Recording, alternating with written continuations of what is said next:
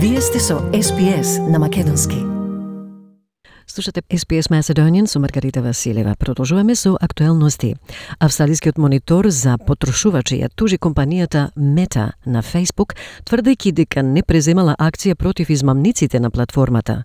ACCC тврди дека компанијата Meta се вклучила во лажно, погрешно и измамливо однесување со објавување на реклами за измама со истакнати австралици. Прилогот го подготви Сера Конти и Франческа Денуцио за SBS News. Дали некогаш сте ги забележали на Facebook? Реклами со некои од најпрепознатливите лица на нацијата, вклучително и промоција на инвестиции во криптовалути – Но овие реклами се лажни и заземаат простор на платформата од 2020 година.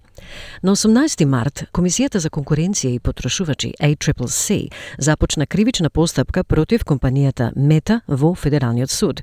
ACCC ја суди Мета за погрешно и измамливо однесување со објавување реклами за измама во кои се прикажани истакнати австралиски поединци како изгубиле многу пари, вели председателот на ACCC Род Sims. For misleading and deceptive conduct by publishing scam advertising featuring prominent Australian individuals uh, and seeing them lose a hell of a lot of money. Indeed, we've had numerous reports of people losing a lot of money through these scam ads.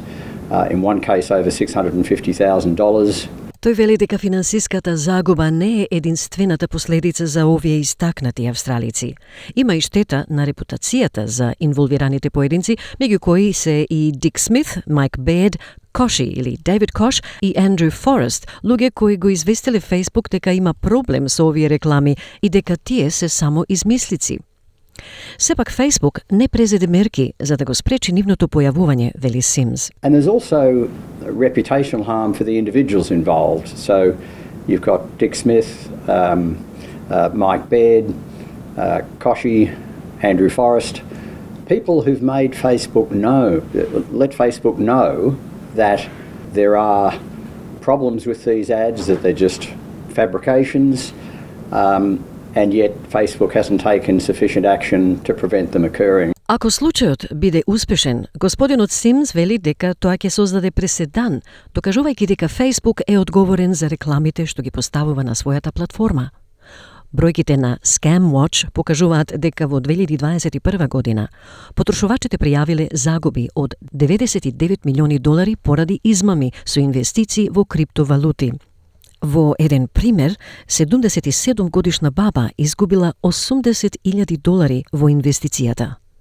Минатиот месец, бизнисменот Андрю Форест покрена посебна кривична постапка против Мета, обвинувајќи дека Facebook не успеа да создаде контроли и дури и корпоративна култура за да го спречи користењето на неговите системи во извршувањето криминал врз невини луѓе. I also allege that Facebook failed to create controls or even a corporate culture to prevent its systems being used to commit crime. This legal action follows many attempts by me asking Facebook to prevent my image from being used by criminals to scam Australian users, innocent people, mums and dads. Портпаролот на Мета за SBS News изјави, цитат, Не сакаме реклами кои имаат намера да измамат луѓе, тие ги прекршуваат нашите политики и дека компанијата користи технологија за откривање и блокирање реклами за измами.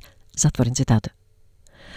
Сето ова доаѓа во време кога Facebook се соочува со се поинтензивно внимание за содржините што ги објавува на својата платформа – Само минатата година Facebook се соочи со тврдења пред Конгресот во Соединетите држави дека ја потикнува поделбата и им штети на децата. Директорот за предпријатија на Универзитетот во Нов Јужен Велс и сайбер аналитичар од Камбера Најджел Фе вели дека платформите за социјалните медиуми мора да почнат да преземаат одговорност. Интернетот, вели тој, е само уште едно јавно место, исто како да одите по улица или да одите во трговски центар. Во овој случај, вели Фе, тој простор е раководен од Facebook, исто како и другите платформи за социјални медиуми. Сите тие имаат одговорност да обезбедат доверливо, безбедно и сигурно искуство за нивните луѓе исто како што постојат очекувања во мейнстрим светот, изјави директорот Најджел Фее. The internet is just another public place, just like walking down the street or going to the mall. Um, it just happens to be curated, in this case, by Facebook. Just like all the other social media platforms, they all have a responsibility to have a trustworthy, safe, and secure experience for their people, just like we expect when uh, the mainstream world. Рима Алју е основач на фитнес центарот Trunk Studios. Таа неодамна избра да го отстрани и повлече својот бизнис од сите платформи на социјалните медиуми. Таа објаснува дека не сака постојано да се жали за нешто со кое силно не се согласува и додава дека се чувствува на вистина добро што бизнисот го симнала од интернет, не придонесува и не плаќа за какви било реклами. SBS SBS SBS SBS SBS This is SBS Radio. Стиснете, ми се допаѓа, споделете, коментирајте. Следете ја SBS на Македонски на Facebook.